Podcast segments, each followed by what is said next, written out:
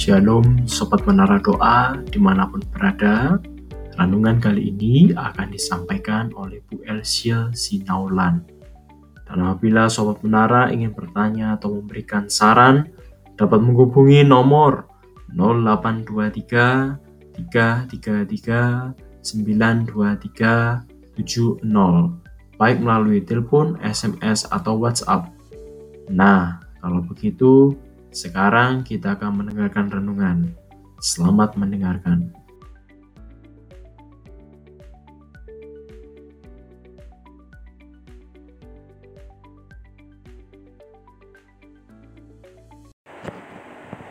Shalom, sahabat menara doa yang dikasih oleh Tuhan. Puji Tuhan, saat ini saya akan menyampaikan kebenaran firman Tuhan. Tapi sebelumnya kita bersatu di dalam doa. Bapa di surga, Bapa yang kami panggil dalam nama Tuhan Yesus, kami mengucap syukur atas kasih dan kemurahan-Mu, bahkan atas kesempatan yang Tuhan beri bagi kami pada saat ini untuk menyampaikan kebenaran firman Tuhan. Tuhan tolong kami, urapi kami hambamu, berkati setiap pendengar yang setia, yang mendengarkan kebenaran firman Tuhan pada saat ini. Dalam nama Tuhan Yesus, kami sudah berdoa. Haleluya. Amin. Puji Tuhan. Tema firman Tuhan pada saat ini, alami sukacita dari Tuhan di saat pandemi COVID-19 saat-saat ini. Kita buka dalam Filipi 4 ayat 4. Bunyinya demikian, bersukacitalah senantiasa dalam Tuhan. Sekali lagi kukatakan bersukacita. Di saat pandemi seperti ini, yang terjadi sekarang ini, seperti susah untuk mencari orang yang masih tetap dapat bersuka cita. Bahkan kita lihat hari-hari ini orang-orang bukan lagi bersuka cita tetapi berduka cita sebab banyak keluarganya, saudara kerabatnya yang jadi korban karena pandemi COVID-19.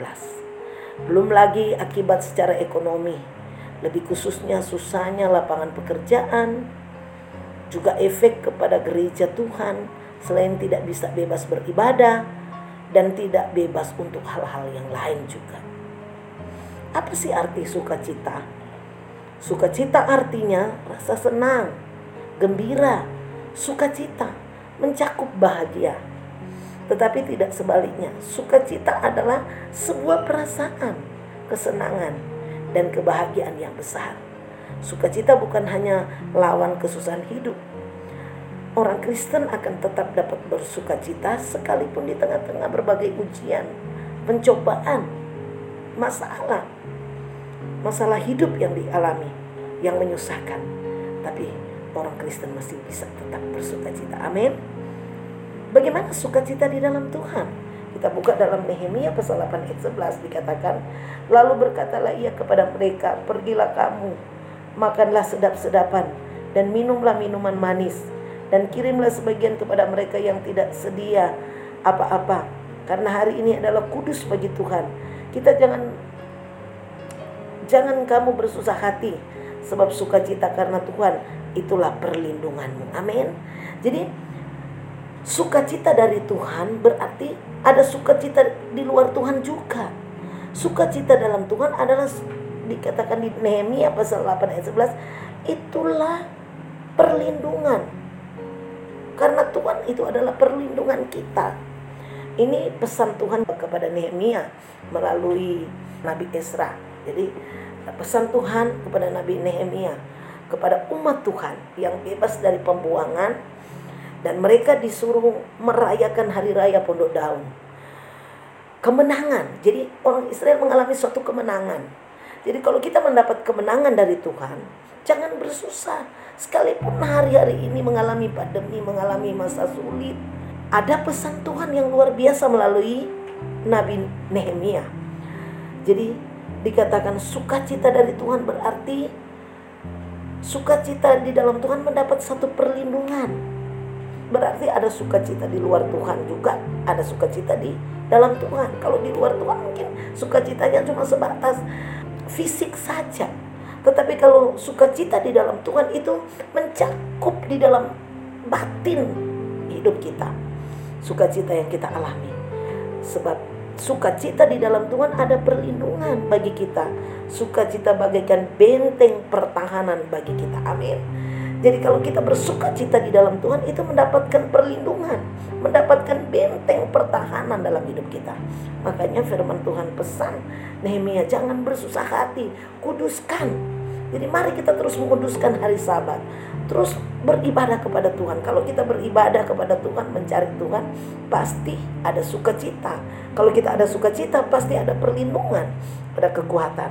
Seperti juga di dalam yang kedua di 2 Korintus pasal 6 ayat 10 bagaimana Rasul Paulus 2 Korintus pasal yang ke-6 ayat yang ke-10 sebagai orang berduka cita namun senantiasa bersuka cita sebagai orang miskin namun memperkaya banyak orang sebagai orang tak bermilik sekalipun kami memiliki segala sesuatu.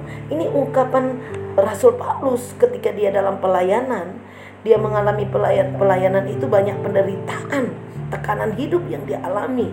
Dia harus dianiaya karena dia percaya kepada Tuhan. Tapi Paulus memberikan satu pesan sekalipun dia dalam keadaan duka, mungkin dia karena dia menderita mengalami tantangan, tapi dia berkata sebagai orang berduka cita namun senantiasa ada sukacita amin sekalipun kita mengalami tantangan persoalan yang berat karena kita ada di dalam Tuhan ada sukacita yang besar yang Paulus alami. Sukacita dalam Tuhan sehingga orang berduka cita namun senantiasa bersuka cita sekalipun katanya dia dalam keadaan duka karena dia harus menderita, dia harus dikucilkan ketika dia mengikut Tuhan. Tapi Paulus bilang ada sukacita yang dari dalam yang membuat dia kuat. Amin. Ini yang harus kita miliki sebagai orang percaya. Sukacita ada yang dari dalam keluar yaitu stabil sebagai sukacita yang dari luar sementara. Jadi sukacita ada yang dari dalam keluar yaitu itulah yang stabil. Sebab sukacita yang dari luar sementara. Kalau sukacita yang dari dalam dia keluar itu pasti stabil hidupnya. Tapi sukacita yang dari luar itu cuma sementara. Orang kalau lihat lucu-lucu, cerita yang lucu-lucu, pasti dia ketawa, habis itu dia nangis lagi karena cuma apa sukacita cuma di luar aja secara fisik. Tapi sukacita di dalam Tuhan itu sampai ke batin kita. Ada damai. Itu yang sukacita di dalam Tuhan ini pasti ada damai. Ada sukacita ada kebahagiaan yang sulit diungkapkan dengan kata-kata tapi bisa dirasakan. Amin. Mengapa sukacita dalam Tuhan itu penting? Karena Amsal 17 ayat 22 Amsal 17 ayat 22 berkata, Hati yang gembira adalah obat yang manjur, tetapi semangat yang patah mengeringkan tulang. Jadi Amsal katakan, sukacita sama dengan hati yang gembira. Dan kalau kita bergembira, kalau kita sukacita itu menjadi obat. Sekalipun mungkin saudara sakit, orang kalau dia sakit, dia bangkit semangatnya, pasti akan mengalami kesembuhan. Jadi sukacita itu sama dengan obat yang memberikan kita kesembuhan, yang memberikan kita pemulihan. Makanya penting kita bersukacita. Yang kedua, sukacita mendatangkan kekuatan yang baru atau semangat. Amin. Sukacita itu mendatangkan kekuatan yang baru. Yang ketiga, orang yang bersukacita tidak mudah terpengaruh oleh keadaan. Amin. Kalau kita bersukacita tidak akan mudah terpengaruh dengan keadaan. Yang keempat, orang yang bersukacita pasti produktif, kreatif, suka mencipta. Amin. Orang kalau suka cita semangat, dia akan membuat segala sesuatu yang baru. Bahkan dia akan berkreatif. Tapi kalau orang tidak semangat hidupnya, tidak punya semangat, tidak punya sukacita, sulit dia melakukan sesuatu yang baru. Tapi kalau orang yang selalu bersuka cita, ada semangat dalam hidupnya, otomatis dia akan melakukan hal-hal yang baru dan yang membuat dia semangat. Amin. Ini yang pernah saya alami saudara. Ketika saya bangkit semangat lagi. Walaupun dalam keadaan duka almarhum dipanggil oleh Tuhan. Tapi saya bangkitkan semangat saya saya bersuka cita. Justru di situ ada hal-hal yang baru yang saya alami dalam melayani Tuhan. Ada banyak mujizat yang saya alami. Ketika saya bangkit coba kalau saya menyerah saya putus asa bersusah-susah. Merenung-merenung mah Mungkin saya tidak akan melihat perkembangan dalam pelayanan yang Tuhan percayakan kepada saya. Tapi ketika saya bangkit, saya bersuka cita, akhirnya saya produktif. Saya terus memajukan pelayanan, saya terus bekerja, saya terus lakukan pelayanan dengan taat, dengan penuh semangat. Kalau saya tidak semangat, saya tidak sehat hari ini. Tapi puji Tuhan. Oleh karena semangat yang Tuhan beri sampai hari ini, penyakit asam lambung saya tidak pernah kambuh. Karena saya tahu ada sukacita. Sukacita itu, semangat itu, hati yang gembira itu obat.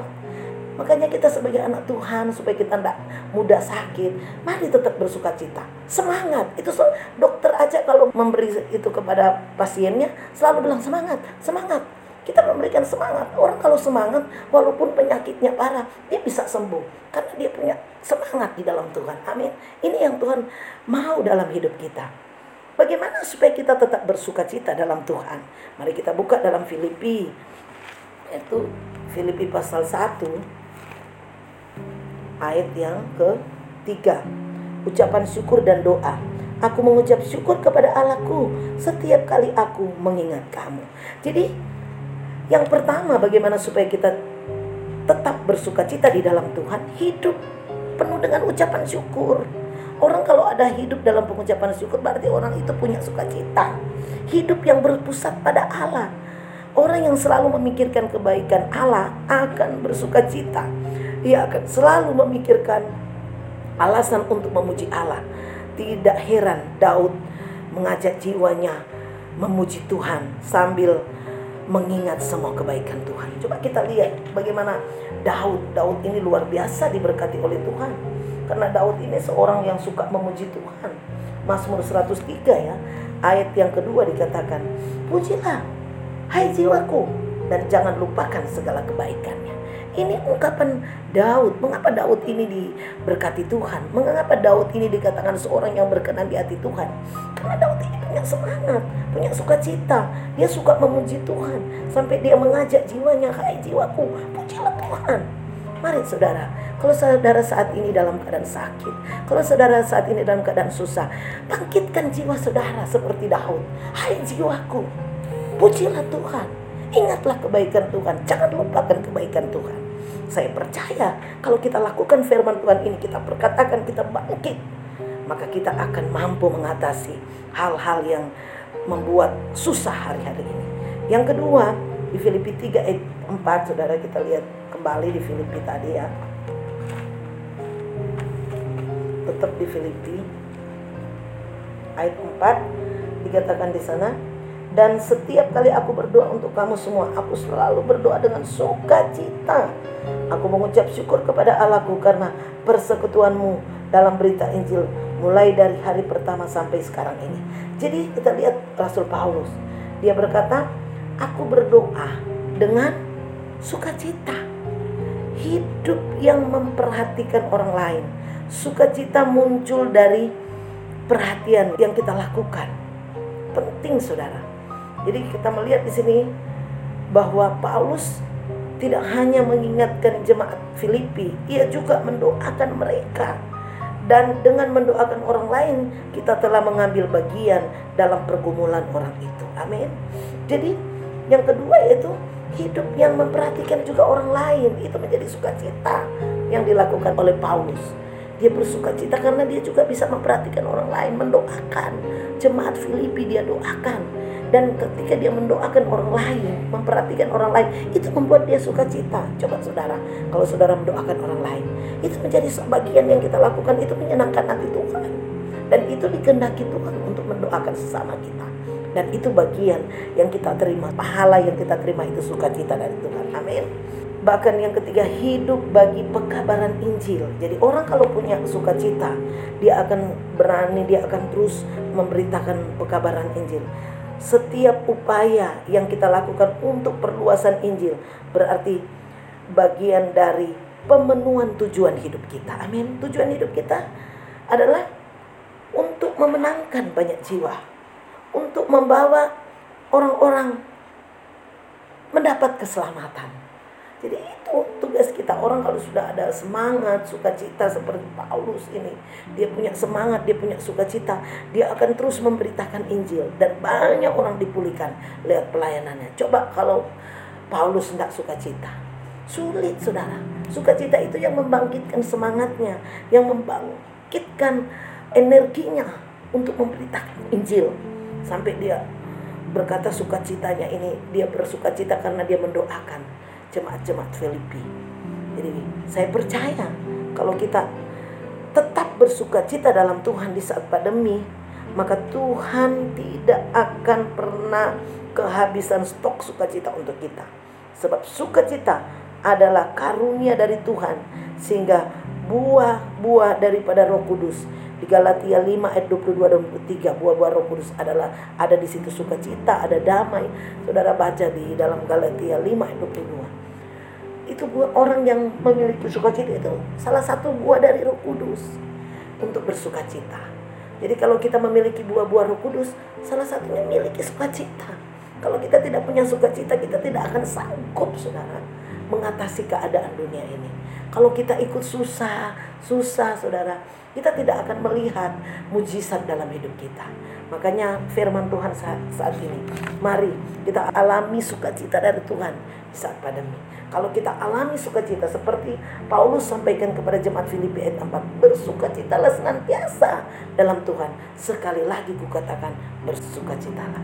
Kenapa ada kata sekali lagi berulang-ulang kali? Karena Tuhan tahu kita kalau tidak bersukacita, kita patah semangat, susah, kita akan mudah terserang penyakit, saudara.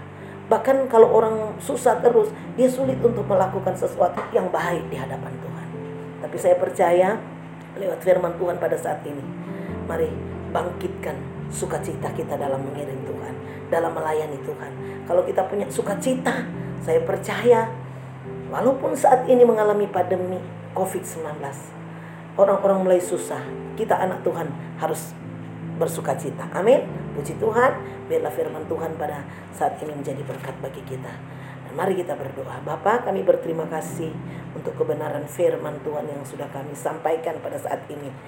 Firman Tuhan mengingatkan kepada kami sekalipun di saat pandemi ini, biarlah kami tetap mengalami sukacita dari Tuhan. Karena sukacita dari Tuhan itulah kekuatan kami. Kami percaya kalau kami memiliki sukacita, kami akan kuat, kami akan semangat dalam kami mengiring dan melayani Tuhan. Berkati setiap pendengar setia yang mendengarkan kebenaran firman Di dalam nama Tuhan Yesus kami sudah berdoa. Haleluya. Amin.